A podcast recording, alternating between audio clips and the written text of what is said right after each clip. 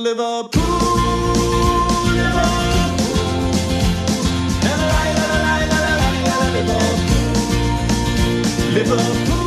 Hej och hallå och god dag och välkomna till ytterligare ett avsnitt av Total Liverpools podd. En dag då våren har kommit till vårt avlånga land och med våren även resultat. Fortfarande så har Liverpool chans att eh, vinna en eftertraktad Premier League-titel och faktiskt även en Champions League-titel. Det känns lite som man glömmer bort den lite, eller vad säger du Thomas? Ja, jo men det, jag tänkte på det själv faktiskt igår när Liverpool eh, spelade mot Cardiff att eh, i det här ruset efter att få vinna Premier League så glömmer man nästan bort att vi är i en semifinal i Champions League också. Man är inte riktigt van vid att två saker att hålla i luften samtidigt som Liverpool-supporter så det här är ju en säsong som oavsett hur det slutar kommer man ju komma ihåg varmt. Per, hur, hur känner du då? Känner du eh, också samma som Thomas att eh, ligatiteln är i fokus och så, ja visst, ja, vi är i Champions League också. Ja, lite så är det ju, men samtidigt har vi ju alltid egna händer i Champions League, vilket vi inte har i ligan. Så att jag är ändå mer tudelad än vad Thomas verkar vara. Och med det så kan vi säga att vi har eh, ja, välkomnat alla eh, som är med i, i den här podden. I vanlig ordning Thomas Nygren och Per Kvist från sidan Total Liverpool. Och vi kommer ju att prata en hel del om eh, ja, framtiden helt enkelt. Men innan vi går fram till framtiden och vi ska även prata en ny programpunkt och vi ska i den här avsnittet faktiskt ta reda på vad var det som gick snett. Liverpool var ju en av de stora giganterna under 70-80-talet så radade man ju upp ligatitlar. Sen någonstans där precis skarven 80-90-tal gick det snett och eh, vi ska ju kika på några säsonger lite närmare i vår nya programpunkt och eh, den här, eh, det här inledande programpunktspresentationsgången så ska vi prata säsongen 90-91. Säsongen då allt gick fel. Början till slutet. Så vi kanske kan börja radera. Men det är inte allt vi ska prata om. Vi ska ha en eh, topp 5-lista. Sånger! Va? Sånger ska vi prata om. Vilka är de fem bästa sångerna? En var här är nu. Vi ska ha en transferprofil. Och mycket annat. Känner ni redo att vi sparkar igång Thomas och Per? Yes! Ja, men då, Yes. då kör vi då och eh, börjar med att blicka tillbaka. Sist vi hördes av så spekulerade vi hur det skulle gå i Champions League då mot Porto. Och som vi redan har eh, sagt så gick det ju ganska bra, eller vad, vad säger ni? Ja, nej, men det blev ju så här i efterhand en ganska behaglig resa. Vi gjorde vad vi skulle på Anfield, två mål höll nollan och sen returen blev det ju aldrig riktigt spännande. Lite nervös är man ju alltid sådär, men eh, när vi väl gjorde 1-0 så var det ju som bara en... Eh, det var egentligen bara en transportsträcka sen och i, med fast i hand kan man säga att Liverpool helt enkelt var ett mycket bättre lag än Porto. Porto hade ju vissa chanser men var lite uddlösa framåt. Och när vi fick chanserna då, då gjorde vi mål. Så vi eh, visade att vi är ett av Europas bästa lag just nu. Och det har vi gjort både nu mot Bayern München i åttondelen mot Porto i kvartsfinal. Så vi har verkligen förtjänat vår plats i semifinalen. Per, hur nervös var du inför de här Porto-matcherna? Ja, man är ju alltid lite mer nervös när man möter ett lag som man har vunnit så tydligt mot i föregående säsong i och med att det är väldigt sällan som man vinner enkelt mot en motståndare två matcher i rad. Men det gjorde ju Liverpool faktiskt den här gången. Så att, eh, tja, under själva matcherna. Den första matchen tyckte jag väl att Porto var lite naiva, precis som i fjol. Och det kanske är så att de har bara det sättet att spela på helt enkelt. De är ju vana att föra spelet och gå upp högt i banan i sin inhemska liga. I den andra matchen så hade vi ju ett resultat att spela på och där tycker jag väl att det var ju ett skott där tidigt från eh, Portos brasse där på högerkanten som faktiskt var nära att gå i. Och de hade ju behövt sätta den typen av chanser för att göra det till en riktigt spännande andra match där. Och i slutändan var det ju som Thomas säger en relativt enkel seger och det är ju faktiskt väldigt tydligt att Liverpool är två storlekar större än ett lag som Porto och en storlek större än ett lag som Bayern München. Och det är ju ett väldigt fint betyg för lagbygget Liverpool. Jag tänker lite grann det här man säger att vi hade marginalerna med oss i många situationer men någonstans Det är ju det här som man alltid har stört sig på hos de här lagen som går långt att fan de har alltid marginalerna med sig United De har alltid marginalerna med sig Barcelona Och det är väl någonting som kännetecknar ett lag som är bra att man ser till att ha marginalerna med sig Det är ju inte det är ju inte tur som gör att eh, Alisson räddar skotten. Det är inte tur som gör att Salah eller Mané gör mål, utan det är ju faktiskt att de är väldigt, väldigt bra spelare. Så eh, vi har haft marginalerna med oss under Champions League-resan, men eh, vi har ju faktiskt eh, spelat oss till att ha de här marginalerna. För vi minns ju alla Alissons räddning där i slutskedet mot Napoli i gruppspelet. Hade det blivit mål, ja då hade vi ju inte behövt fundera över de här Champions League slutspelsmatcherna. Men när man har en bra målvakt, ja då, gör, då får man de här räddningarna. Så vi har haft marginalerna med oss, men vi har eh, spelat oss till dem. 6-1 eh, som det blev då totalt mot Porto talar ju sitt tydliga språk och eh, det innebär att man den första maj faktiskt får möta Barcelona. Vi ska prata om den matchen lite senare när vi blickar framåt. Men just nu så håller vi fortfarande på att blicka tillbaka och det har ju spelats en del ligamatcher också. Liverpool och Manchester United har ju huggsexa om den här första platsen I dagsläget så leder Liverpool ligan, men det är ju för att man har en match mer spelad. Eh, och eh, sen vi pratades vid sist så har Liverpool spelat mot Chelsea och eh, Cardiff. Det har blivit 2-0 segrar i båda de här matcherna och hur tycker ni, hur, hur, hur känns det så här nu Eh, hur levererar Liverpool nu när man är konstant under press? Jag tycker att man har verkligen levererat. Man har ju faktiskt spottat upp sig rejält spelmässigt i jämförelse med en, två, tre månader sedan när vi satt här och pratade om att Liverpool förvisso vann men att det fanns mycket mer att önska av spelet. De här vinsterna mot Chelsea till exempel, det var ju en väldigt bra genomförd match och en väldigt rättvis 2-0-seger mot ett Chelsea som ju trots allt innehåller en hel del klassspelare som har stor individuell kvalitet. Och detsamma kan man väl säga mot matchen mot Cardiff. Det var ju en väldigt bra match av Liverpool om man kollar antalet målchanser. Visst hade ju Cardiff någon enstaka målchans, men det är ju nästan oundvikligt när man möter ett Premier League-lag över 90 minuter. Men Liverpool hade ju väldigt många chanser klara chanser som man, man borde ha avgjort den här matchen långt tidigare. Så spelmässigt har det faktiskt blivit mycket bättre samtidigt som man fortsätter att vinna och det är ju minst sagt välkommet att den här spelmässiga formtoppen kommer nu i slutet av säsongen. Man befarade ju tidigare kanske att, att det skulle bli lite tvärtom. Att eftersom spelet inte funkade perfekt så skulle kanske resultaten också börja bli sämre. Men som sagt, spelet bättre, resultaten fortsatt bra. Spetsspelarna levererar, alla är nöjda och glada.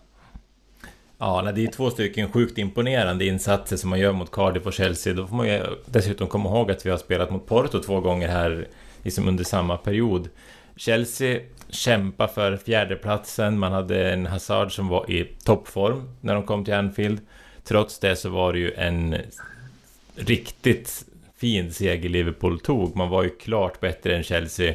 Förtjänade segern, den hade kunnat bli större. Eh, Cardiff kämpar för att hänga kvar. Hade tagit en seger mot Brighton i veckan, kom med ganska gott självförtroende. Det var ett Neil Warnock-lag som eh, man vet de är svårspelade, tuffa. Vi kör ju över dem även om det tar ett tag innan vi får ledningsmålet. Det är det är två stycken jätteimponerande insatser som Liverpool står för. Vi har en anfallstrio som producerar och nu har ju även spel, liksom breddspelarna börjat producera också. Vi har Henderson har börjat göra poäng, vi hade Vinaldum som gjorde mål igår, vi har Milner har i och för sig producerat under hela säsongen, men han satte ju en straff igår. Vi har Matip som ser ut som en världsback helt plötsligt, så både säga, toppspelarna presterar på sin högsta nivå, breddspelarna visar att de hör hemma i ett lag som kämpar om titlarna, så det här är ju det bästa Liverpool-lag som jag har sett någon gång. Det går inte att säga någonting annat nu när man sitter här med fem matcher kvar av säsongen och kan vinna både liga och Champions League. Det skulle inte jag byta mot en eh, fa Cup-titel oavsett hur det här slutar. Och eh, ni verkar vara odelat positiva i hur Liverpool har spelat. Då får man väl ändå säga att eh, för första gången på länge så sliter man inte mellan hopp och förtvivlan när det står 0-0 i en match mot Cardiff. Utan man känner ändå ett visst hopp att ja, men det här det kommer att gå. Cardiff kommer inte att orka, precis som Chelsea inte orkade stå emot Liverpool som drar fram som en lavin som, som uh, karaktäriserar ett topplag. Men mm. jag tänker vi, vi går över till en, den här programpunkten som vi kallar liksom frågetecken slash utropstecken. Och då kan vi väl börja med, eh, har vi något utropstecken som ni verkligen vill lyfta fram en spelare? Per? Thomas har ju redan varit inne på Joel Matip och han förtjänar ju verkligen att lyftas fram som ett utropstecken.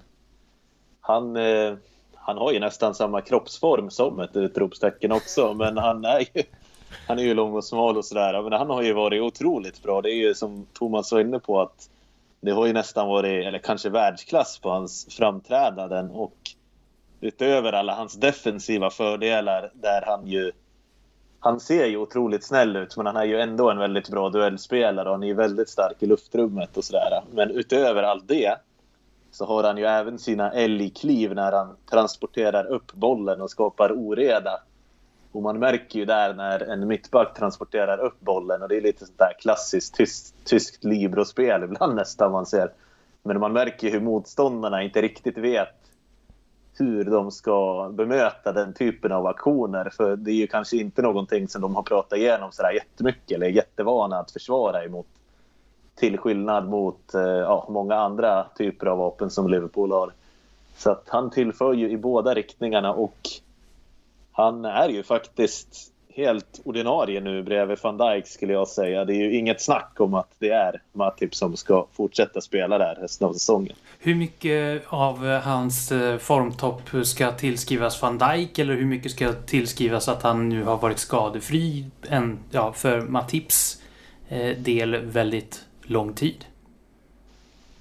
Alltid jättesvårt att säga. Eh, det är ju klart att van Dijk förtjänar ju mycket beröm. Han dirigerar ju försvaret på ett sätt som eh, ja, Dejan Lovren till exempel inte förmådde att göra eh, föregående säsonger. Så att självklart ska ju van Dijk ha beröm, men jag tycker ändå inte att man ska förringa Matips egna insatser. Vi hade ju även där i början av bortamatchen mot Porto till exempel när van Dijk faktiskt var lite all over the place men eh, Matip spelade desto lugnare och bättre. Så att ja, jag vill ändå lyfta fram Matip mest där. Thomas, har du någon eh, spelare, kanske förutom Matip, som du tycker eh, har varit ett utropstecken den här senaste tiden? Ja, jag skulle väl i sådana fall kanske vilja lyfta fram Jordan Henderson lite extra. För sen inhoppet där mot Southampton, där han fick spela lite mer framskjutet, så har ju han sett ut som den här spelaren som nästan tog oss till ligatiteln under Brennan Rodgers.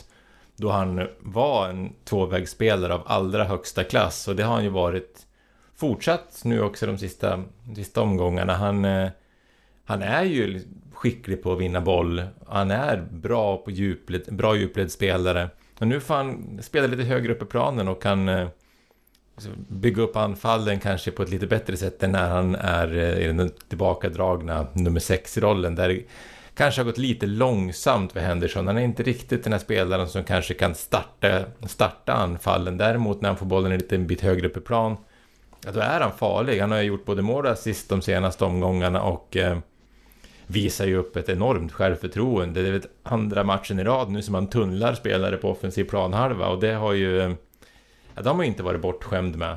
Så eh, jag tycker Jordan Henderson ser eh, ut att vara den här Henderson som han var sist vi var så här nära en ligatitel. Eh, och det är ju såklart välkommet att eh, kaptenen går i bräschen nu. För eh, det är ju många supportrar som har pratat om att Henderson kanske inte ska spela. Han ska absolut inte vara lagkapten. Men eh, i dagsläget tror jag att det är få som ifrågasätter både hans plats i startelvan och att han har binden runt armen. Så en eloge till Jordan Henderson tycker jag. Och eh, då lämnar vi det positiva och sen så går vi åt det lite mer negativa. Vi har nu gått igenom utropstecknet men vem är då frågetecknet? Thomas? Jag skulle nästan vilja säga pass på den frågan, för ser man till som Liverpool har spelat den senaste månaden egentligen så är det väl ingen som förtjänar någon eh, kritik av de som har varit på planen. Det är klart att man kanske skulle kunna fundera kring vad är det som eh, Shakiri inte gör på träningarna som gör att han inte får, eh, får chansen att spela. Han har ju fått kanske två minuter sista månaden från att ha varit det här första vapnet att ta in när det inte klaffar. Men eh, det är ju hårt att kalla en spelare ett frågetecken som inte har spelat mer än 75 sekunder. Så tittar man på de spelarna som Liverpool har startat med senaste månaden så är det ingen som eh, förtjänar att hängas ut som något eh, frågetecken utan tidigare nämnde jag ju Salah som frågetecken och det har man ju gladeligen fått äta upp. Så nej, jag tycker det är, har varit en fantastisk tid de sista veckorna. Per, har du något frågetecken då? Ja, det finns väl en spelare som egentligen har varit frågetecken under en längre period, men som hade något inhopp som var helt okej okay, och därefter börjar folk prata om nytt kontrakt och allt möjligt och det är ju Divock Origi. Och jag tycker att man ser ju att han inte riktigt håller måttet när han spelar. Det är lite för mycket tunnelseende där och lite för lite split vision. Men det är ju klart att det är absolut inte meningen att han ska vara en av nyckelspelarna, men jag tycker att man ser att han håller ju faktiskt inte som truppspelare heller. Men med det sagt så är det ju lite att man letar med ljus och lykta nu efter någonting att klaga på känns det som. Men han är väl mitt frågetecken i sådana fall om vi ändå ska leta där efter något.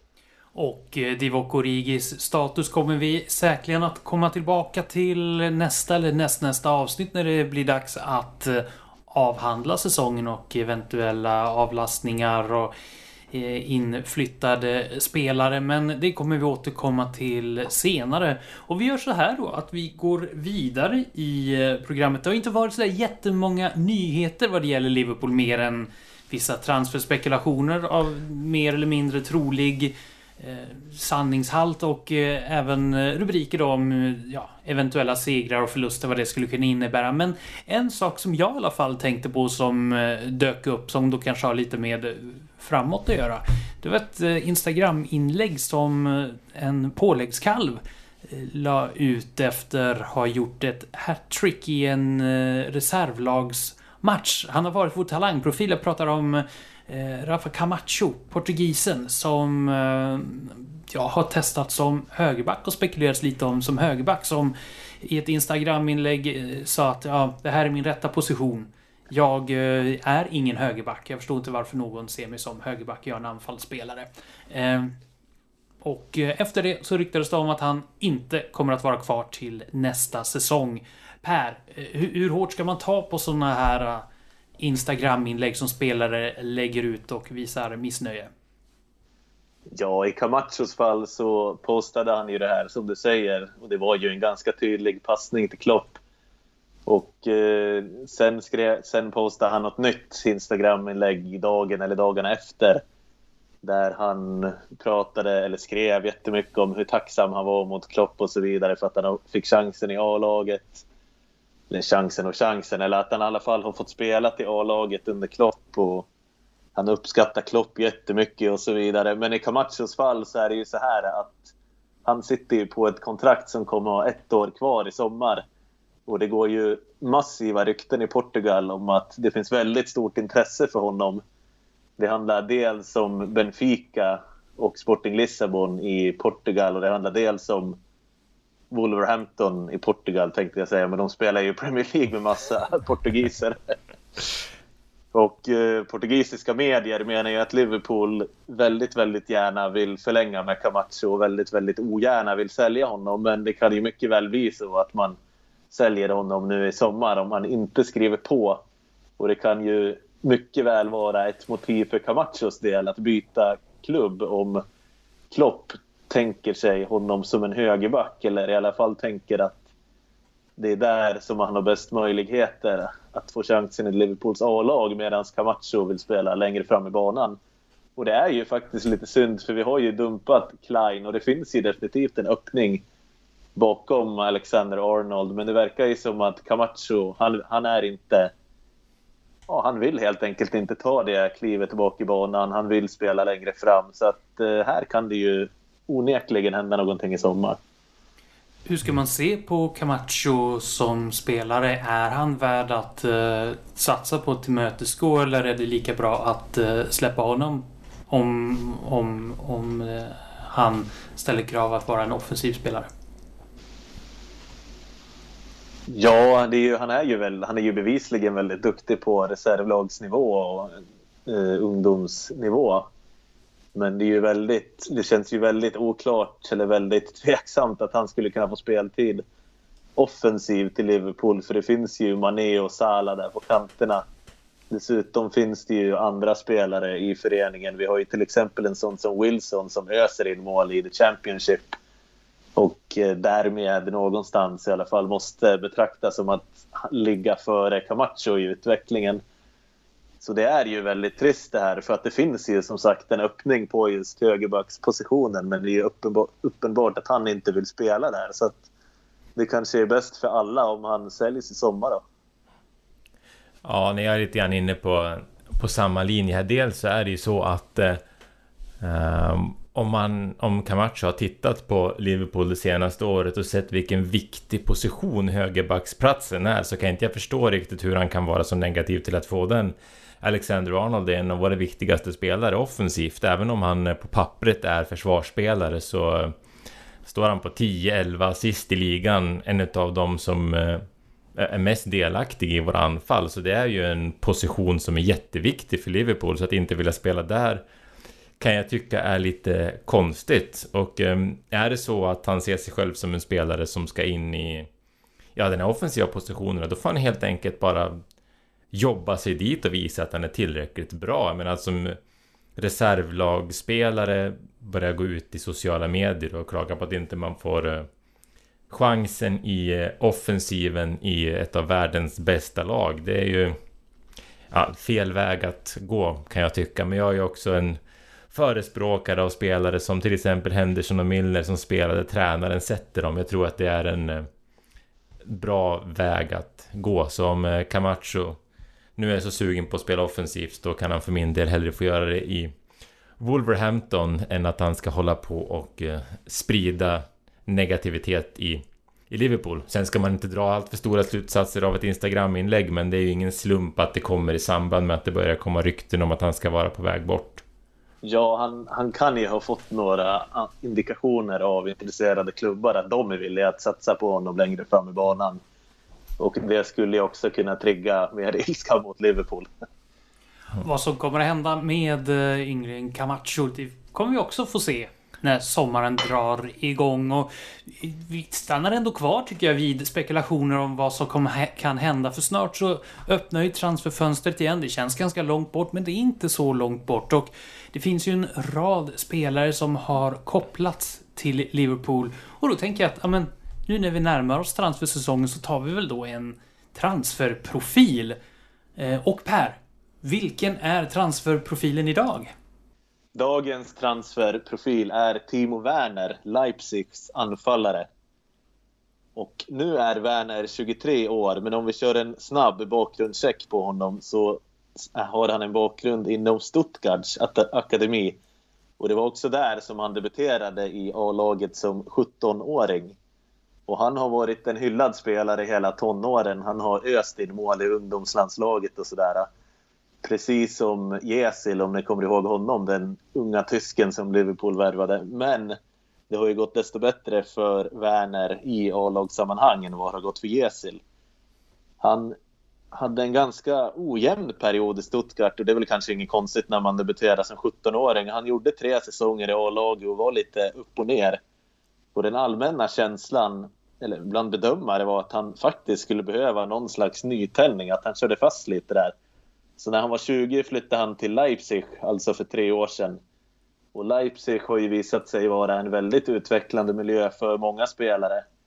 Eh, vi kan ju tänka på Naby Keita och Emil Forsberg också till exempel. Och i Leipzig så har Werner gjort supersuccé. Han gjorde drygt 20 ligamål första säsongen. Andra säsongen blev det faktiskt färre ligamål. Då blev det bara 13. Men den här säsongen är han redan uppe på 14 på 26 matcher. Så att Han kommer ju landa på ett fint antal mål den här säsongen. Kanske inte 20 som första säsongen, men 17-18 skulle jag väl gissa när säsongen är färdigspelad. Och vad är Werner för spelare då? Jo, han är en central anfallare. Kan även spela på kanterna, men han är framförallt anfallare. Och han är snabb och energisk, så han är en sån här ganska liten, snabb anfallare som är väldigt duktig rättvänd. Han är inte så bra i spelet felvänd och hans passningsspel är inte sådär fantastiskt, men han är bra att ligga på rulle och han är väldigt vass i kontringsspelet. Han har också mycket energi och är en av de offensiva spelarna i Bundesliga som har flest bollerövringar rent statistiskt. Och det har ju också att göra med att Leipzig spelar med ett väldigt aggressivt pressspel så som Liverpool också gör. Så att han skulle onekligen passa in i Liverpool på det sättet. Och Werner är ju en spelare som är intressant för många klubbar. Eh, och Leipzig, de sitter i en svår situation för han har faktiskt bara ett år kvar på sitt kontrakt med klubben så att de måste ju mer eller mindre sälja i sommar. Och det har ju gått väldigt mycket rykten om Bayern München men det går också rykten om Liverpool och det är främst just Bayern och Liverpool som ryktas vara ute efter honom. Och här pratar vi ju kanske om 40 miljoner pund eller någonting och det är ju en bra summa, eller det är ju det är ju en bra summa för Leipzig men det är också en bra summa för köparen när det gäller en 23-årig anfallare som har visat att han kan leverera under flera år. Och dessutom så har Werner en väldigt bra skadehistorik jag brukar ju tänka på Starrids skadehistorik. Det är ju liksom en tjock bok av olika skador. Men Werner, han missar knappt några matcher alls under en säsong och när han gör det är det oftast förkylningar. Han har bara missat enstaka matcher de här senaste säsongerna på grund av skador. Så att han, han är inte en skadebenägen spelare. Och varför vi har honom som transferprofil, det beror ju dels på att han ryktas till Liverpool och dels Eh, på grund av att det finns ju en väldigt naturlig öppning i Liverpool i anfallet. För Sturridge kontrakt går ju ut och ingenting tyder ju på att han kommer att förlänga. Så det skulle ju vara väldigt fint att få in en ny anfallare. Och Werner, som sagt, mycket energi, snabb, duktig i spelvändningarna, duktig rättvänd, optimistisk spelare. Så han skulle ju kunna vara en anfallare som eh, ja, kanske inte blir ordinarie i Liverpool, men som i alla fall kan backa upp de här andra på ett väldigt, väldigt bra sätt. Betydligt bättre än nuvarande backups. Och en fråga då med en sån spelare som Werner då som är 23 år. Vad, vad, skulle han kunna bidra med och varför skulle han vilja skriva på för Liverpool? Ja, man, han, man, han får väl kolla på vilka alternativ han har och då är det ju inte säkert att Liverpool är ett sämre alternativ än någon annan. Ehm, Liverpool kan ju erbjuda dels möjligheter att vinna titlar och dels speltid. Det kan ju bli knepigt att bli helt ordinarie.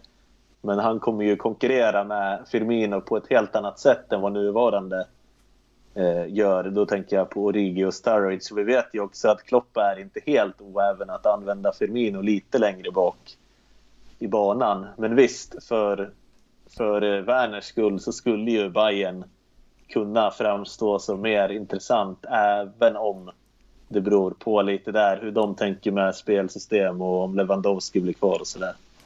Jag tänker för vår del så är det ju jätteviktigt att få in ett offensivt alternativ. För den här säsongen så har vi ju faktiskt haft tur med skadorna på de här tre offensiva. Nu ska vi inte ropa hej än, men de har ju faktiskt inte varit borta någonting egentligen. Mané, Salah och Firmino. Men skulle vi åka på en skada av någon av dem i början på nästa säsong till exempel så skulle det vara en väldig skillnad att spela 10-15 matcher med Origi. Eh, så vi behöver ju ett alternativ till där framme så att vi har åtminstone fyra stycken spelare av, av högsta klass så att vi kan rotera, riskera skador i ännu liksom mindre utsträckning. Så vi har ju varit inne på tidigare att det kanske är på den positionen som vi behöver lägga krutet i sommar och då låter ju Werner som ett eh, ett ypperligt transfermål tycker jag. På, på en skala 1 till 5, hur, hur bra skulle en Timo Werner vara att få in för Liverpool? Om man tänker att han skulle ha rollen som en eh, spets... Pff, vänta, jag kör om det där. Vad fan var det jag kallade Shakiri nu igen? Ja, just det. Om man tänker så här att Werner skulle ha rollen som en spetsig breddspelare så är det ju en femma. Om man tänker att han skulle vara en startspelare i varje match så är det definitivt inte en femma, för så bra är han inte. Men eh, jag säger väl ändå femma eftersom han trots allt skulle komma som vad jag kallar för en spetsig breddspelare. Skulle han ha potential att kunna bli den här femman även som en startspelare? För han är ju 23 år så att säga. Precis, det, ju, det tror inte jag om jag ska vara helt ärlig. För jag ser inte riktigt den utväxlingen i honom. Han, till exempel nämnde jag det här spelet Felvänd där han inte är toppklass och han har vissa svagheter trots allt. Han är lite endimensionell tycker jag, så jag skulle inte säga en femma som permanent startspelare på sikt heller. Vi får se vad det är som händer med eh, Timo Werner och om de här transferspekulationerna kommer att eh, fortsätta eller inte. Eh, och just spelare från Leipzig, ja, vi får väl se. Juryn är fortfarande ute och funderar på Keita och eh, hans framgångar. Så är det värt att lägga ännu mer pengar på en Leipzig-spelare eh, i Timo Werner? Det får vi se helt enkelt. Eh, det brukar inte bli så många Eh, transfers under sommaren under Jürgen Klopp. Vi lämnar transferprofilen för den här gången. Och så letar vi upp en ny spelare och ställer oss frågan Var är han nu? Mm. Och eh, den här gången ska vi titta på en spelare som eh, var ganska långt ifrån våra eh, drömälvor drömelvor när vi plockade gamla favoriter skulle jag gissa. Det här är en spelare som bara gjorde 14 matcher i Liverpool men eh, som gjorde den här kontroversiella övergången från Everton faktiskt till Liverpool 2002. Och den jag pratar om är ju den gamle blonderade högerbacken Abel Xavier. Som faktiskt brukar dyka upp i Liverpool Legends ibland av någon outgrundlig anledning. Då måste det vara många återbud på vägen, tänker jag. Eh, som sagt, 14 matcher i Liverpool, gjorde mål i sin debut mot Ipswich. Därefter blev det inga mål. Utan han hamnade i konflikt med tränaren och fick lämna på lån till Galatasaray ganska snart. Och eh, gjorde väl inget större avtryck där. Spelade Premier League-matcher med Middlesbrough under deras tid som de var uppe. Inte heller där satte han något större avtryck. Avslutade spelarkarriären i Los Angeles Galaxy 2008. Där han hamnade i konflikt med tränaren, någonting som verkar vara genomgående i hans karriär. Eh, tränaren som förut var Rud Schullit, den gamla holländske storspelaren. Eh, men spelarkarriären för Abel Xavier, alltså de flesta minns vi kanske honom mest ifrån det portugisiska landslaget. De hade ju den här matchen i EM mot eh, Frankrike där de lyckas få halva truppen avstängda i efterspelet i stort sett efter den här kontroversiella straffen. Um, så det är väl kanske mest i den portugisiska landslagströjan som man har sett Abel Xavier. Um, när han slutade 2008 i alla fall så började han själv på en tränarbana. Han har ju uppenbarligen tyckt att han vet bättre än tränarna så det var väl inte mer än rimligt. Tränade några mindre lag i Portugal. Fram till för tre år sedan, 2016, då han faktiskt fick sitt förbundskaptenjobb. Han är nämligen idag förbundskapten för Mosambik. Och eh, om jag har läst på rätt så är han själv född i Mosambik, eller om han i alla fall härstammar ifrån Mosambik. Och de har eh, nyligen, i slutet på mars, avslutat kvalet till de afrikanska mästerskapen. Där eh, landade man tyvärr för Abel Xaviers del på tredje plats i kvalgruppen.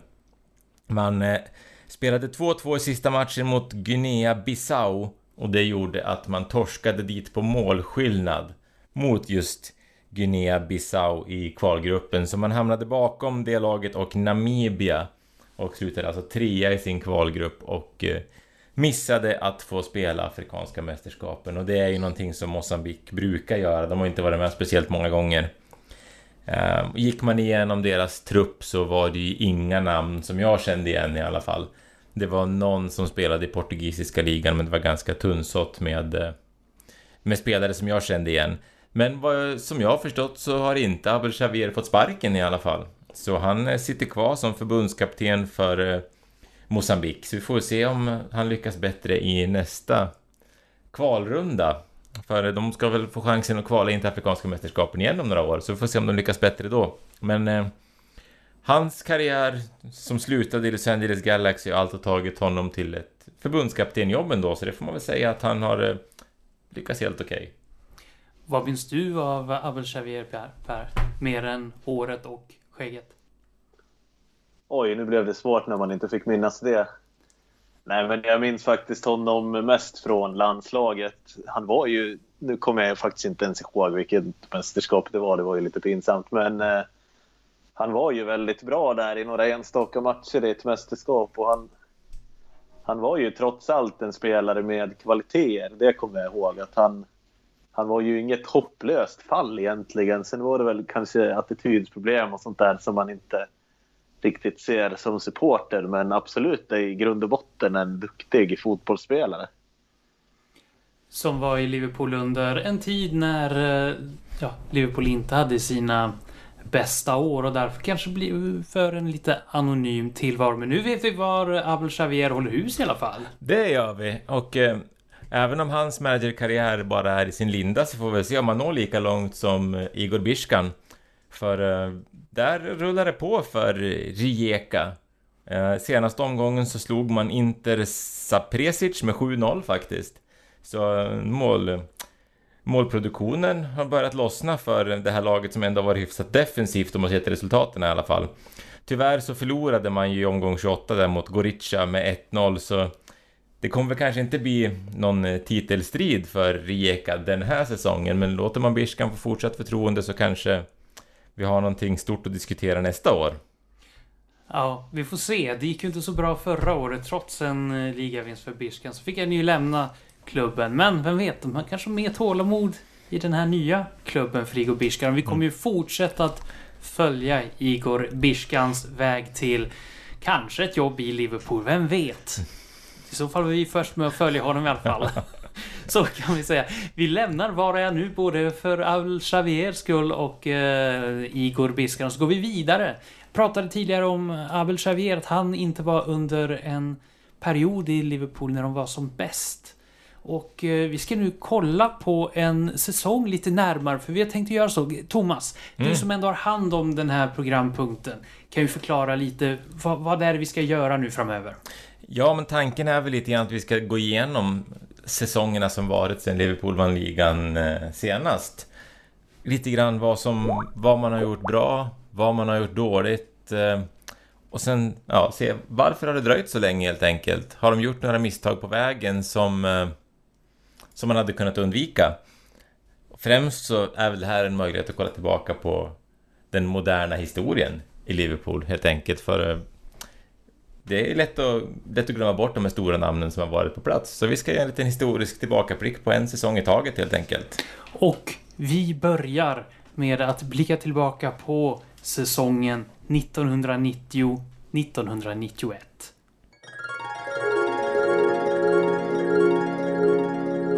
Det här var ju en säsong då Liverpool gick in i ligan som regerande mästare, alltså senast man gick in i ligan som regerande mästare. Och det gjorde man med Kenny Dalglish som, som manager. Och eh, den här säsongen började faktiskt med, eh, ja, det, faktiskt med Charity Shield, det gör den ju alltid. Men här delade man faktiskt Charity Shield-titeln med eh, Manchester United. Så eh, den här 1-1 matchen som man spelade ledde till att båda två fick Charity Shield-titeln. Jag vet inte hur den räknas i pokalskåpet riktigt, om man får en varsin, om man får en halv eller om man bara låter det vara den här låtsasturneringen som det egentligen är. Men då delade man i alla fall. Eh, jag tänkte jag skulle börja med att gå igenom spelartruppen. Ja. Bara vilka namn som var aktuella. Och i, i mål hade man ju såklart Bruce Grobbelaar. Spelaren som eh, många minns med värme. Backlinjen hade vi namn som eh, Glenn Hysén innan dokusåpan. Steve Nicol, Steve Staunton, Gary Ablett, Gary Gillespie. Mycket britter, skott, skottar, några av de här spelarna. Och det har vi ju fina skotska spelare i backlinjen idag också. Mittfältet, danske passningsmästaren Jan Mölby. Vi hade John Barnes, Ray Houghton, Ronnie Whelan. Vi hade hård för mittfältare Steve McMahon. Anfallet, Peter Beardsley, den här lilla profilen.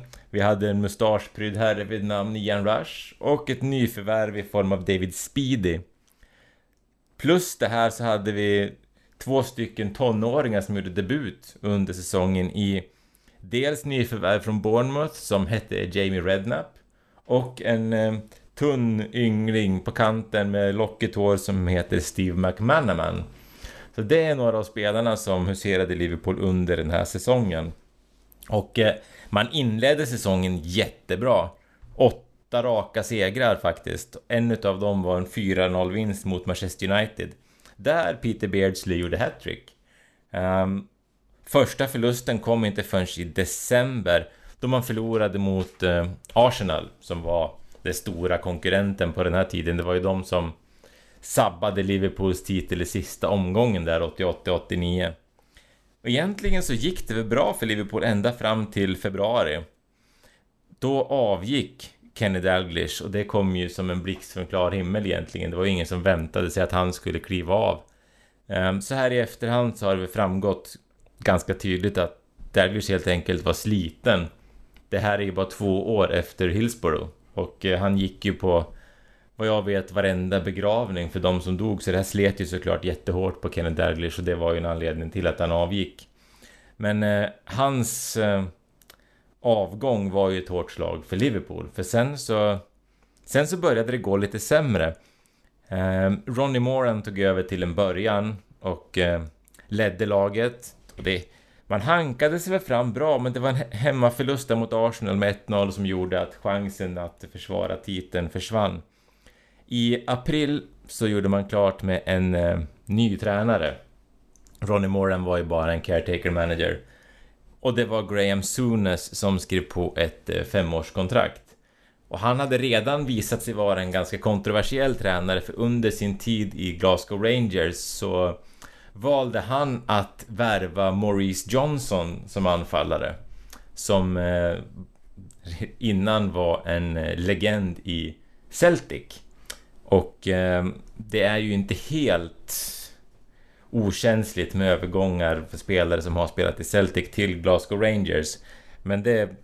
Graham Souness brydde sig inte om det här med religion eller vart, klubb, vart spelare hade spelat tidigare så han såg inget konstigt i den här övergången.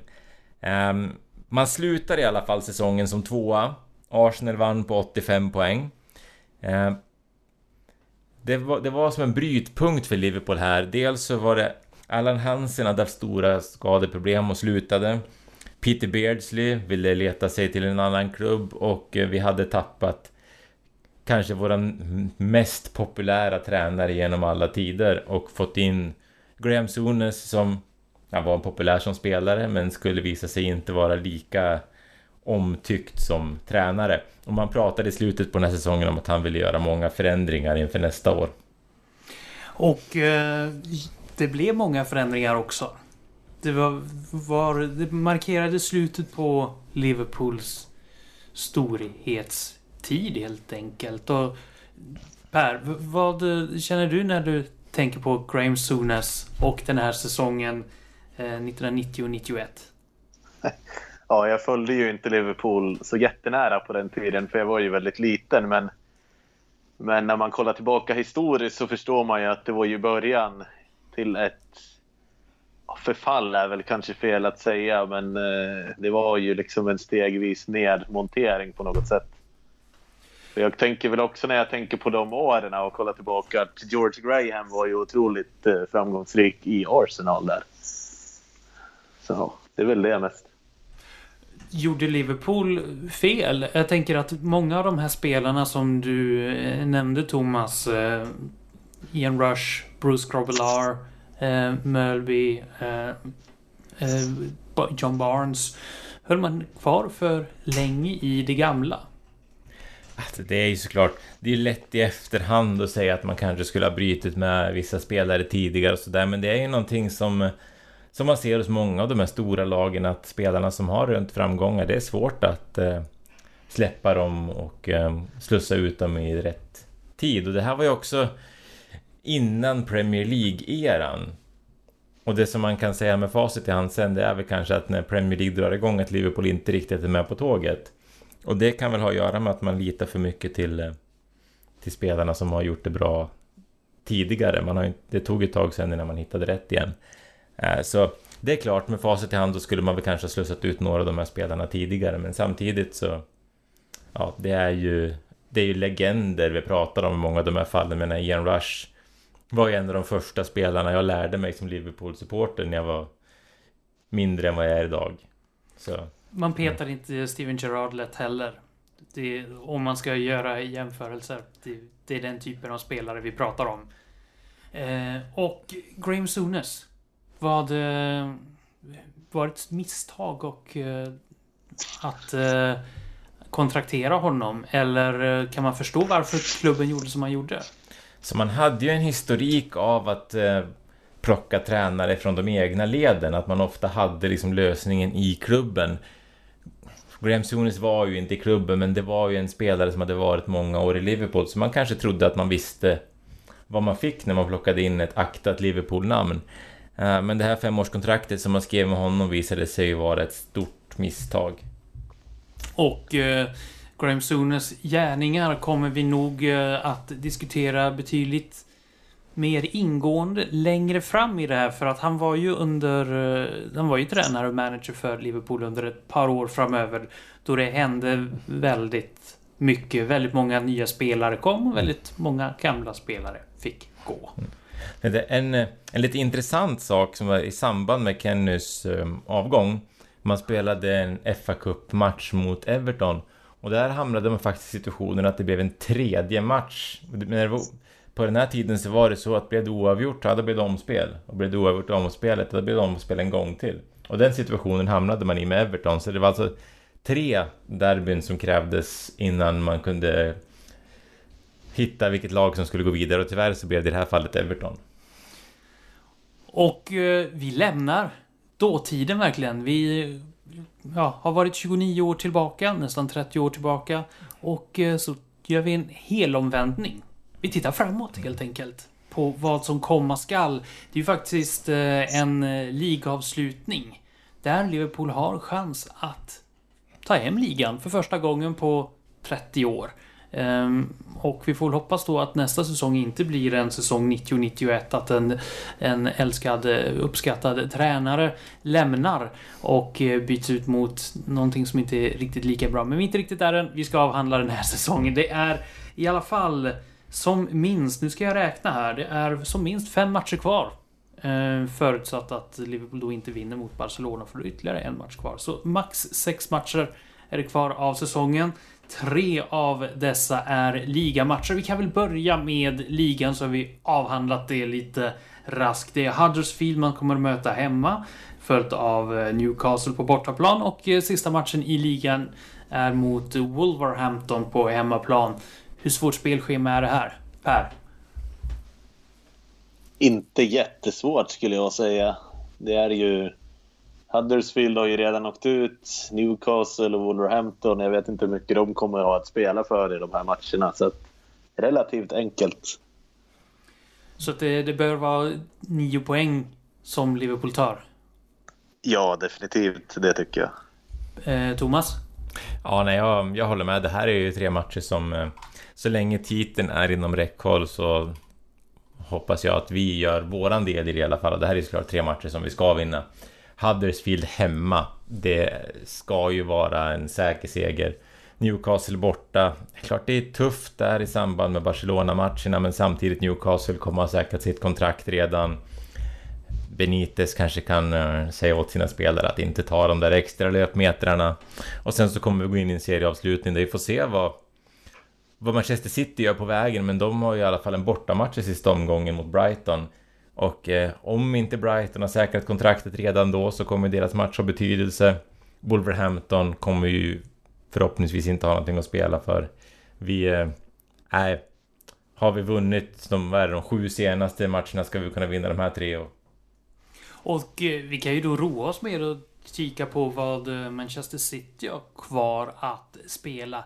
Idag så är det eh, annandag påsk, det är den 22 april.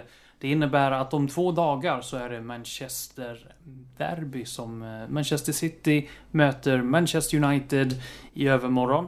Eh, när du lyssnar på det här så vet du förmodligen hur det gick, men vi vet inte riktigt hur det gick. Och så har man även kvar att eh, möta Burnley och Leicester och avslutningsvis Brighton. Om man jämför de här två lagens matcher kvar i ligan, hur skulle... Ja, hur stor skillnad är det på dem? City har ett svårare spelschema. De eh, möter ju Manchester United som oavsett hur dålig Manchester United är nu så är det ju ett derby. Och jag tror inte att spelarna kommer påverkas av att fansen inte vill att Liverpool vinner ligan. Burnley borta är också en svår match. Leicester hemma, den kommer de att vinna oavsett vad Brendan Rodgers försöker med. Brighton borta, det är klart det är en match de vinner 9 av 10 där också, men det, det, är väl, det är väl de här två kommande nu mot United och Burnley som jag ser som våran, eh, våran chans. Så där, så att eh, jag kommer för första gången i mitt liv hålla tummarna för Manchester United på onsdag. Hur känns det? Ja, med tanke om de spelar hem ligan till oss så känns det ganska bra. Per, vad, vad säger du om eh, matcherna som, som eh, Manchester City har kvar jämfört med Liverpool? De är ju svårare och de är ju också fler till antalet. Så det, det, är ju fler bra prestationer som krävs av dem för att vinna sina resterande matcher. Och jag tänker ju att framförallt den här matchen mot United är ju lite lurig, lurig för att United det är ju som Thomas säger, de är ju bedrövliga nu men samtidigt så, vad är det man säger, ett skadeskjutet djur är ju också farligt så att säga. Det är ju ännu farligare än ett djur som inte är skadeskjutet. Så att det är ju, ja, jag tror att de kan tappa poäng mot United även om det kanske är lite, lite önsketänkande också. Jag tänker insatsen mot Everton som man hade igår, United. Det gör ju ändå att de måste visa någonting mot City, för så usel som de var då får de ju inte vara igen. Inte om de eh, vill ha kvar sina jobb nästa år. Så United har ju ändå lite grann att bevisa. Och eh, man har ju också en Champions League-plats att spela om och den verkar ju ingen vilja ha för de kastar ju bort chanserna ett efter ett de här lagen som kämpar om fjärdeplatsen så eh, United behöver ju vinna. Förlorar de mot City då är de ju borta från Champions League nästa år. Mm. Och vad skulle ni ge då Liverpool för chanser att faktiskt ta hem den här ligatiteln? Man leder ju nu med en match mer spelad eh, och det är, vad var det vi sa? Vi sa att det var tre matcher kvar i ligan. Och på en skala så här, hur många procent där 100 då är, är max? Hur stor chans är det att Liverpool står där med pokalen i maj månad? Jag skulle kunna dra till med kanske 30 procents chans. 30 chans säger den eviga optimisten Thomas Nygren. Vad säger du då Per Kvist? Ja, jag satt och tänkte där 30, 35, en tredjedel och då blir det ju 33,333. Nej, men det är ju någonstans där mellan 30 och 35. Ja, det är ju bittert att City ska vara så jävla bra i år när vi också är så jävla bra. Det är det, oh, kommer vi tvåa så kommer vi komma tvåa efter det bästa laget i Premier Leagues historia. Och det är tråkigt att vara det näst bästa laget i Premier Leagues historia just det året som det bästa laget spelar här. Ja, men det, det, är nog ingen slump heller. Jag tror att man triggar ju varandra och sporrar varandra. Så det är ju liksom verkligen en duell om serieseger. Jag tror ju inte att City hade tagit så här många poäng om Liverpool inte hade varit där hack i häl.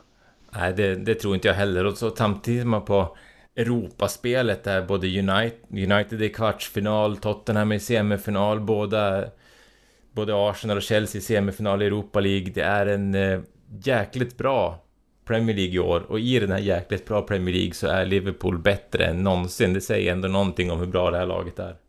Ja, det är så in i helskotta typiskt att Tottenham tar Champions League-matchen men inte ligamatchen. Ja, de hade, måste man ju också säga. Och man hade ju gärna kunnat byta ut de där segrarna men jag gissar att Tottenham-supportrarna föredrog att det blev så här. Ja. Ja, egoister. Ja. Eh, men eh, ja, vi, vi, får...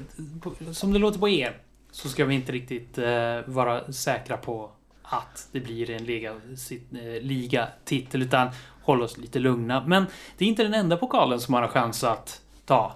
Ett eh, dubbelmöte mot Barcelona ska avklaras och sen en final och sen så är Champions League-bucklan åter i Liverpools ägo. Hur ser ni på chanserna för det? Jag tror ju så här att eh, den, det laget som vinner mellan Liverpool och Barcelona kommer att vinna Champions League. Men det är ju ytterst tveksamt om Liverpool tar Barcelona. Jag ser ju Barca som favoriter. Det måste jag ju ändå säga med den kvalitet och rutinen som de har. 60-40 till Barcas favör där. Och sen skulle jag säga 70-30, 80-20 nästan i Liverpool eller Barcas favör i finalen. Ja, jag, ska bara, alltså, jag hatar ju Barcelona. Det här är ett av mina lag som jag inte tål. Just den här mer än en klubbmentaliteten och de ska alltid hålla på och snacka om spelare på väg dit och de har också haft en förmåga att plocka våra bästa spelare jämt. Jag skulle ju jättegärna slå ut Barcelona ur, eh, ur Champions League och det skulle kännas extra fint och hånle lite grann mot Coutinho när spelarna går av planen. Men med det sagt så har ju de eh, en spelare som eh, ja, när Messi är motståndare så är man ju inte favorit oavsett vilket lag man är för hans högsta nivå är ju bizarr. Så mm, får vi ett bra resultat på bortaplan, chans kanske att ligga lite grann på kanske kontra in något mål, få ett oavgjort resultat med oss till Anfield så har vi goda chanser att gå vidare. Men på förhand ser jag också Barcelona som eh, favorit, om en, en knapp favorit skulle jag säga. Ja, det var ju, det var ju lite Tråkigt att höra. Eh, där blev jag lite deprimerad av. Så jag tycker att vi, vi lämnar framtiden och så får framtiden spela ut sig själv. Och så får vi hoppas att vi står där i slutet av maj eller vad det nu kan vara. Med två stycken pokaler. I alla fall en. Det hade ju varit trevligt. Det känns som ett väldigt antiklimax. Efter en så här fantastisk säsong. Att det, det skulle mynna ut i... Ja, en semifinalförlust och en snöplig två andra plats. Ja, men samtidigt så är det en jäkla resa vi fått vara med på. Jag skrev en krönika lite grann om det här idag just att även om inte vi vinner någonting i år så att få vara det här laget som alla tittar avundsjukt på och som alla vill ska misslyckas.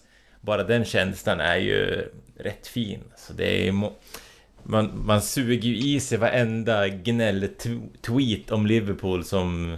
Ja, det, det, skulle man kunna äta sig mätt på på en förmiddag om allting om Salas förmodade filmningar och att vi har domslut med och så det studsar med och så att vi är... Eh, ja. Allt sånt där gör att det känns ganska bra ändå. Och jag ska säga att jag säger att Barcelona är knapp favorit mot Liverpool, det är ändå... Det är ändå, det är ändå ganska positivt det jag säger, bara knapp favorit. Ja, vi gör, jag får trösta mig med, med, med de orden. Men, eh, och så går vi vidare. Vi börjar närma oss eh, slutet nu här på det här avsnittet. Men som alltid innan vi eh, plockar ner skylten för den här gången så har vi en topp 5-lista. Och som jag sa precis i inledningen så kommer den här topp 5-listan vara av ett eh, musikaliskt ha en viss musikalisk klang eller ja, falsk sång och musik kommer det vara. Det kommer att vara de bästa hejaklackssångerna. Vad har ni för, för relation till de här eh, sångerna? Thomas, Per? Ja, det är ju dels de sångerna som man såklart hör i tv-rutan, för det är där man oftast eh, får ta del av dem.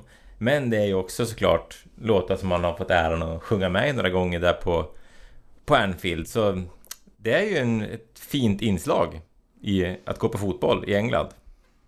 Per, du då? Brukar du stå och sjunga med? Eller när du sitter i soffan, mm. dra en trudelutt? Jo, men ibland gör man väl det, även framför tvn. Men det, jag satt och tänkte på det här, vad det är som egentligen gör en bra sång om en spelare. Och det är ju, melodin är ju en sak, texten är ju en sak. Sen har ju jag någon sån här ja, lite personlig konstig grej att om jag ogillar själva ursprungs låten, då gillar jag heller inte spela sången. jag vet inte om det är lite sjukligt, men i vissa fall känner jag i och för sig inte till ursprungslåten. Men eh, ja, så att det är liksom många pusselbitar som måste falla på plats för att en sång ska platsa på en sån här topplista som vi har gjort. Och det finns hur många sånger som helst, men det är bara fem stycken som får vara med på den här prestigefyllda topplistan över de fem bästa sångerna. Ja, våra fem eh, läktarsångsfavoriter. Och det här är alltså sånger som riktar sig till enskilda spelare. Det är klart, vi kommer ju inte ta med att fansen sjunger You Never Walk Alone till exempel. Utan det är ju någonting, eh, någonting annat. Utan det här är alltså fem låtar som är direkt riktade till spelare. Ja, men ska vi köra igång då? På Det- plats nummer fem. Mm, plats nummer fem, då har vi en eh, modern låt, en blivande klassiker skulle jag säga. Det är ju Mohammed Salahs sång. Nu eh, kommer ju, som tur är för er, inte vi sjunga, utan det kommer ju klippas in i efterhand så ni får höra lite grann hur låtarna är. Så, men eh, det här är ju lite grann en personlig favorit till mig eftersom den bygger på en låt av det brittiska bandet James som jag har eh, lyssnat mycket på. Och det här är en, eh, en bra låt. Man saknar lite grann de här fantasifulla läktarsångerna de senaste åren. Och det har liksom börjat droppa in fler och fler nu med det här laget. Och det säger ju också någonting om hur hur populära de är. Men äh, låten om The Egyptian King den, äh, den har tagit sig in på topplistan redan.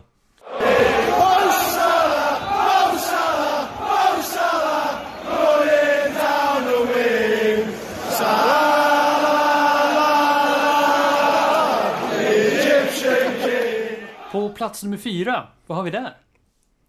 Ja, de här platserna som är i mitten var ju lite kniviga, men eh, på plats... På plats fyra placerade vi eh, Fernando Torres sång, som ändå gick varm under hans storhetstid.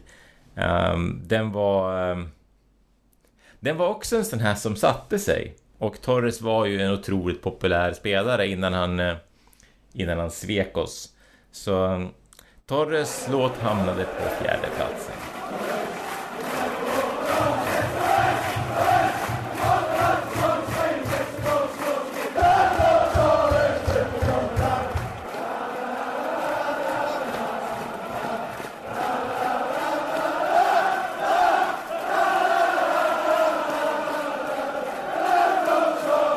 Fernando Torres alltså på plats nummer fyra. Det var inte så mycket skönsång där, men är det mer skönsång på plats nummer tre? Mm. När vi kommer upp på pallen så är det en låt som man faktiskt kan få höra på Anfield eh, fortfarande, om än inte så ofta. Men eh, vi hade en eh, spanjor som bland annat gjorde det här berömda målet mot Chelsea i Champions League-semifinalen som eh, fick sin sång där de sjöng om att han eh, dricker sangria. Jag pratar ju såklart om Luis Garcia. Det här är en låt som jag som jag gillade skarpt. Jag försökte faktiskt skriva om den här i samband med Firmino gjorde många viktiga mål och försökte rimma Firmino och Drinks Caprinha men det gick liksom inte det gick inte hela vägen fram. Däremot Luis Garcia som dricker sangria det är ju en eh, det är, det är en fin låt.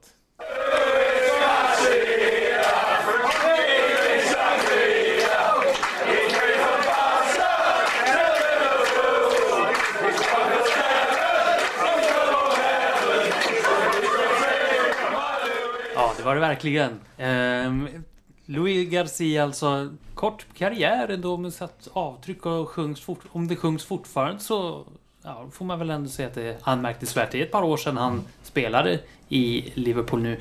Men han är inte på den absoluta toppskiktet av den här topp 5-listan av de bästa läktarsångerna som vi avhandlar idag. Vad har vi på plats nummer två? Plats nummer två tror jag nästan du får ta och eh, förklara storheten i Pelle för här har vi en eh, ytterligare en gammal kantspringare. Ja, här är det ju Maxi Rodriguez såklart. Som uh, runs down the wing for me. och det är ju en underbar ursprungslåt dessutom med Buddy Holly, den gamla Heartbeat om ni kommer ihåg. Ja, kommer ihåg och kommer ihåg. Han dog ju väldigt tidigt och väldigt för länge, länge sedan. Och vi har ju också hört den här låten många gånger på TV4. Det är ju faktiskt en annan version av den här introlåten till den här TV-serien som heter Heartbeat. Som lustigt nog översätts tillbaka till Aidensfield på svenska. Kanske inte, det är en sån här pensionärsserie, men där hör man också den här låten hela tiden. Om vi ska återgå till Maxi Rodriguez så hade ju han också en kort karriär och det ironiska är ju att det som han inte gjorde var ju att han inte sprang liksom upp och ner på kanten. Han gick ju in i banan väldigt mycket men låten består.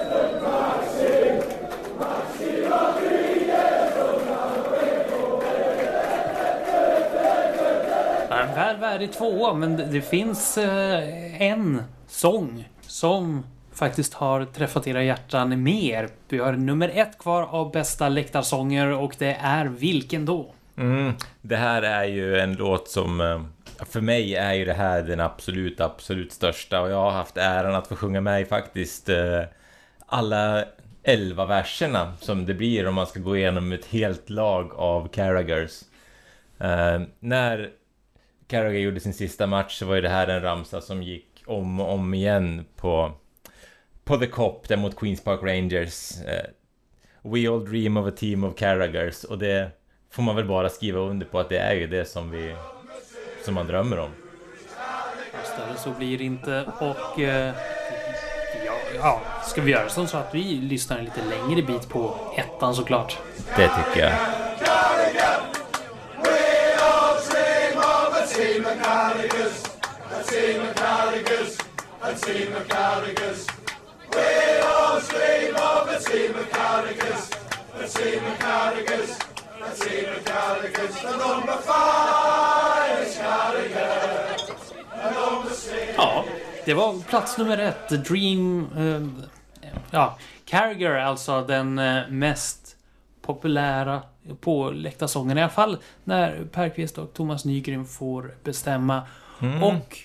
med det så börjar det på att bli dags att eh, knyta säcken, men... Eh, ja, vi, har, vi fick ju, eh, kastade ju ut den här frågan på Twitter också. Ska säga. Det, var, det här var någonting som eh, det fanns mycket åsikter kring. Vi hade bland annat Pontus Weinemo från bland annat Kick and Rush, Expressen, skrev att, för han var Torres, solklar etta på den här sånglistan. Daniel Brandt, Lukas-sången. Vi hade Linus Fröjd som tog Maxi Rodriguez, Runs Down the Wing for Me. Johan Nilsson valde att ta, upp, ta fram Sami Hyppie. Um, vi hade Kalle Enström som också var förtjust i Luis Garcia, He Drinks Sangria. Vi hade Oliver Lundell som valde att ta upp um, Senior Give the ball to Bobby and he will score. Också en mer modern klassiker kan man väl säga. Uh, Andreas Lundén valde att lyfta We've got the best midfield in the world. Och det är klart, det är också... Även om det är flera spelare så kan man väl säga att det är en, eh, en spelarsång. Så eh, det, var, det här var någonting som eh, många tyckte var intressant. Och det är väl så att man får ju sina favoriter för England, fotboll och musik. Det hänger ihop lite grann. Och Liverpool också för den delen. Ett klassiskt lag. Och med det så börjar det på att bli dags att eh, avrunda, avsluta det här avsnittet av Total Liverpools podd. Det första, eller det sista inför ligavslutningen, verkligen. Eh, och eh, ja, Per. Du är ju med och driver den här sidan Total Liverpool. Nu när det blir så här säsongsavslutning, hur mycket extra tryck är det på sidan då? Det är klart att det blir mer trafik. Det är ju så att när det går bra för ens favoritlag då är man ju mer benägen att vilja läsa om det laget förstås. Också att lyssna på poddar skulle jag tro. Så att det blir helt klart ett större tryck när det går bra som nu. Och har ni någonting på, på gång då för att liksom möta upp den här ökade trafiken till hemsidan? Det är ju lite så här att under säsongen när det är så hemskt många matcher så har vi ju en matchbevakning som eh, oftast består av en Q&A med en motståndarsupporter innan matchen. En matchrapport som Jesper brukar skriva och en matchkrönika som Thomas ofta skriver. Så att det är mest det vi har på gång just nu. Vi har ett väldigt stort fokus på matcherna. Sen förstås också om det, händer, om det inträffar stora nyheter rapporterar vi om det. Men eh, matcherna, matcherna, väldigt stort fokus. Och sen så väntar eh, den här så kallade silly season och då så tar det ju en helt ny vändning. Thomas, du skriver ju då de flesta krönikorna. Vad har du på gång? Ja, jag skrev faktiskt en idag om eh, Cardiff-matchen, så det är väl det, det som jag har mest färskt i minnet. Nu väntar jag på svar ifrån min eh, Huddersfield-kontakt om, eh, om hur deras lag mår inför mötet på fredag. Sen så hoppas jag väl få skriva ytterligare en eh, segerkrönika på lördag. Kanske till och med få skriva en eh, poängkrönika om Manchester Uniteds insats i mitten på den här veckan. Men annars så, så är det ju... Inför Barcelona-matchen så hoppas jag kunna hitta någon... Eh, något lite större namn som vill uttala sig om, eh, om våra chanser. För det här är ju såklart matcher som, eh, som hela fotbolls-Europa vänder sina blickar mot. Och vi, Vi hade ju Johanna Frändén som var inne och tippade matchen mot Porto. Vi hade Frida Fagerlund som tippade matchen mot Bayern München. Så vi får se vem det är som eh, vågar tippa på Liverpools framgång i semifinalen. Så fullt fokus på matcherna på eh, totalliverpool.com. Ja, och totalt fokus är väl på matcherna härifrån också. Och nästa gång vi hörs igen så får vi se om det är dur eller moll. Något av det kommer det att vara i alla fall. I, varken, eh, ingen gråskala här, inte utan det kommer vara svart eller vitt. Eh, och eh, tills vi hörs igen nästa gång eh, får ni ha det så fantastiskt bra. Tack så mycket Thomas Nygren och Per Kvist. Tack, tack. Tack, tack. Och du som lyssnar, tack så jättemycket för att du har laddat ner den här podden och ha det så fantastiskt bra tills vi hörs igen. Hej då! Liverpool, Liverpool.